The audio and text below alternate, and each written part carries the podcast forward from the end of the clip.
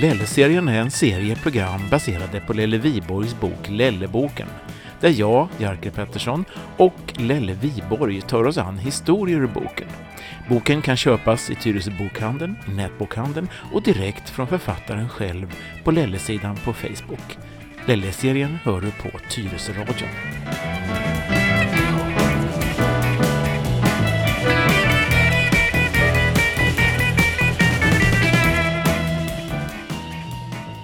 Det går fan. ja, sådär. ja, jo då, det är fint med mikrofoner vet du. ja, så. Då säger jag välkommen till Lelle-serien och Lelle Viborg åter i studion. Ja, så här bra går det ibland när man ska spela in. Va? Det, är liksom, det, det vill inte, men... Det vill sig inte det vill riktigt. sig inte riktigt. Men Nej. vi är tillbaka i studion i Lelle-serien här i, i ett avsnitt. Det är ungefär det jag vill säga. Ja, Ja, nu har jag sagt det. och då vill, jag, då vill jag svara mm, tack så mycket. Då säger jag, Mm. va, va, va, varsågod. Tack. Ja, tack. ja. Lelle, Mm. va, vad ska vi prata om idag? Eh, jo, idag ska vi prata om pulkaåkning och pulkabacken och vinter och grejer. Fast egentligen var det ingen pulka utan det var egentligen såna här byggmattor.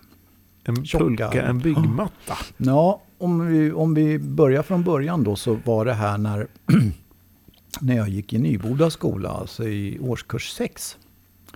Och då gick vi i barackerna nere i Nyboda skola. Årskurs 6 i Nyboda skola, det låter som länge sedan. Du, vilket Det år är vi på? Stenåldern eller någonting. Men alltså, det blir, Ja, eh, ja, vad kan det vara? Det är 60-tal i alla fall. 1960-tal. Ja, ja jo, jo, det är det. Ja, det är bra. 1960. Ja. Alltså, någonstans Ja. där i mitten, slutet. Ja, slutet måste det bli. Men i alla fall så var det så att man höll på och förberedde för att bygga eh, det nuvarande Eh, Nyboda, alltså det stora. Men just då fanns det bara baracker. Och mitt emot våra baracker, där låg det en jättehög backe som gick upp till Sjötungan, som det hette då, Myggdalsvägen. Och benämndes populärt för Fyllbacken. Jaha, Ja, därför att där bodde de, eller bodde, de höll till där på dagarna. De törstiga, om man säger de så. törstiga. Ja. A-laget kallar man det ibland. va? Ja, Mm. precis. Och det var ofta eh, människor från vårt östra broderland Finland. Nåväl. Ja, no, så var det nog. Och på vintern då så eh, hade de lagt ut stora tjocka såna här röda byggmattor. Eh, det var väl en sorts isoleringsgrej vad jag förstår. Och de där var ju riktigt såpala och perfekta att åka pulka på. Vad användes byggmattorna till? Vad var deras funktion så att säga? jag, har, jag har aldrig sett sådana förut. De var jättetjocka. Såg ut som sådana där man hade i... Ja, när man hoppade höjdhopp och stavhopp och sånt där. Jättetjocka isoleringsmattor. Med, Ja. Som var plast runt. Ja. Och vad, vad de egentligen användes till, det har jag inte skall att räkna ut. Men jag kan tänka mig att det måste ju ha någonting med grundisolering och sånt där att göra. Mm, det låter så va? Ja. Mm. Och de var ganska stora och man, kunde, man rymdes ju en hel klass på de där. Alltså. Så det var ju bara att släpa upp dem längst upp och sen åkte man ju. Och man åkte ju nästan ända bort till skolan och det var ganska långt. Det var många hundra meter. Och där satt ju då A-laget och tittade på och drog sina bira där och, och, och så vidare. Och framåt eftermiddagen då, då var de ju ganska... eh, De var, om man säger så, så var de lite grann på lemonaden Mhm. Mm. och började bli lite sömniga. var väl en dag där, då hade de väl glömt kvar ett par fyllskallar eller på att säga där i, i backen. Så vi tänkte att där kan de ju inte ligga, det var ju kallt ute. Då tänkte vi så här att vi skulle väl åtminstone bjuda dem på en åktur ner till plugget. Så vi, vi släpade upp dem på en sån här matta. Både Pekka och Cirka-Lisa. och sen bar det ju iväg. och osökt kommer man ju tänka då på, på Emil i Lönneberga och när han bjöd Jonen där på, ja du vet hela den där historien. Nu hade inte vi någon, någon julmat att bjuda på men vi hade ju lite värme in i plugget i alla fall. Så att vi körde ner dem där och de knoppade ju hela tiden liksom. De var väl duktigt bedövade om man säger så då. Mm. Och så tog vi och så släpade vi in, vi släpade in hela mattan faktiskt i entrén till plugget. Oj. med, med, med dem på då. Och sen så eh, fanns det ju sådana här kartrum. Så att vi, vi tog och äh, vi drog in dem där och så fick de väl ligga där och knoppa och vi la över dem någon, någon liten filt eller vad det nu var för någonting. Sen gick vi in och hade lektion. Vi glömde väl, vi glömde väl bort de här. de som låg där inne och sov och tänkte väl inte på det. Men sen när skolan var slut så kom jag, visst fan, vi har ju, hur har det här gått nu då? Mhm. Ja. Så vi gick in och tittade där och, och nej, det var filtan. Det var inga människor där men mattan var ju kvar och filtarna var ihopvikta, mycket prydligt. Och så låg det en liten lapp där det stod att tack så mycket för oss.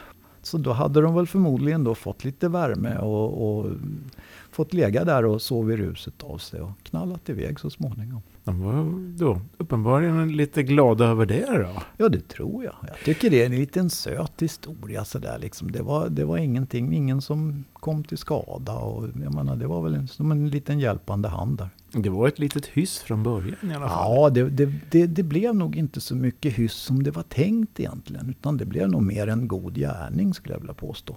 Just den där idén att eh, de här som då hade druckit under dagen och så släpa upp dem på mattan. eh, alltså, b- var de medvetna om den färd som väntade? Eller som Nej, nej, de, de var inte medvetna om någonting för de, de sov ju. De var så eh, Ja, de- eller ja. berusade. Ja, precis. Men ni tyckte det var lite kul när det bar iväg med mattan antar jag. Jo, det, det var faktiskt jätteroligt.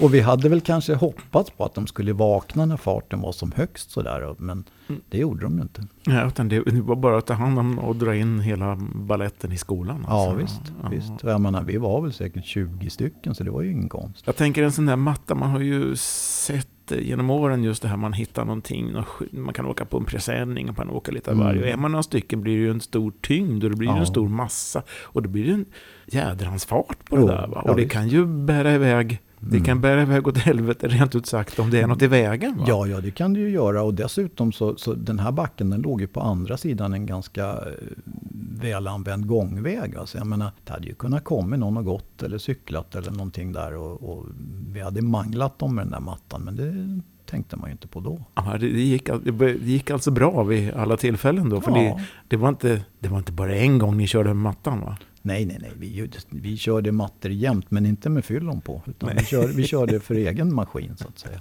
Så länge det var snö.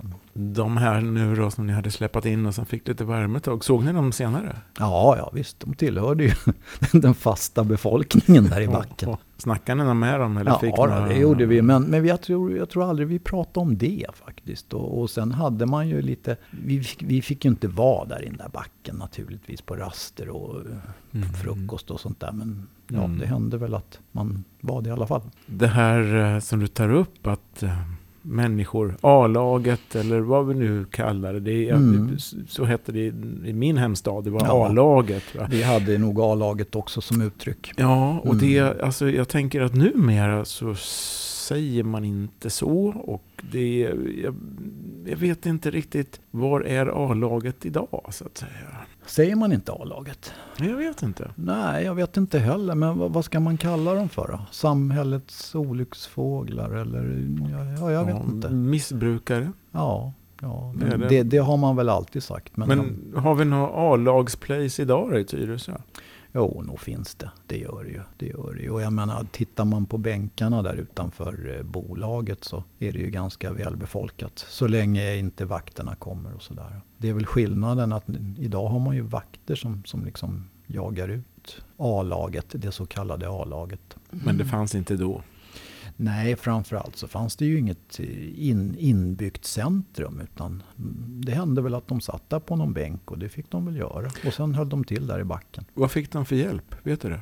Nej, det vet jag faktiskt inte. Jag, jag har inte en aning. Men, men det måste väl ha funnits någon, någon hjälp för dem också även på den tiden. Hoppas jag. Och så var det faktiskt så att ni hjälpte ju lite grann där mitt i smällkalla vintern med Mm. en vårdlig madrassfärd. I och för sig inte upplevd av de, de åkande men sen ändå värme i ett kartrum. Mm. Ja, det var väl inte så tokigt. Det var väl någon form av hjälp i alla fall istället för att ligga i backen och få förfrysa Mm. sig. Så var det med pulkabacken. Pulkabacken ja. Utan pulka. Utan ala. Nej, ja, utan pulka. Det var bara mattor. Ja. Ja. Så var det med det. Så är det.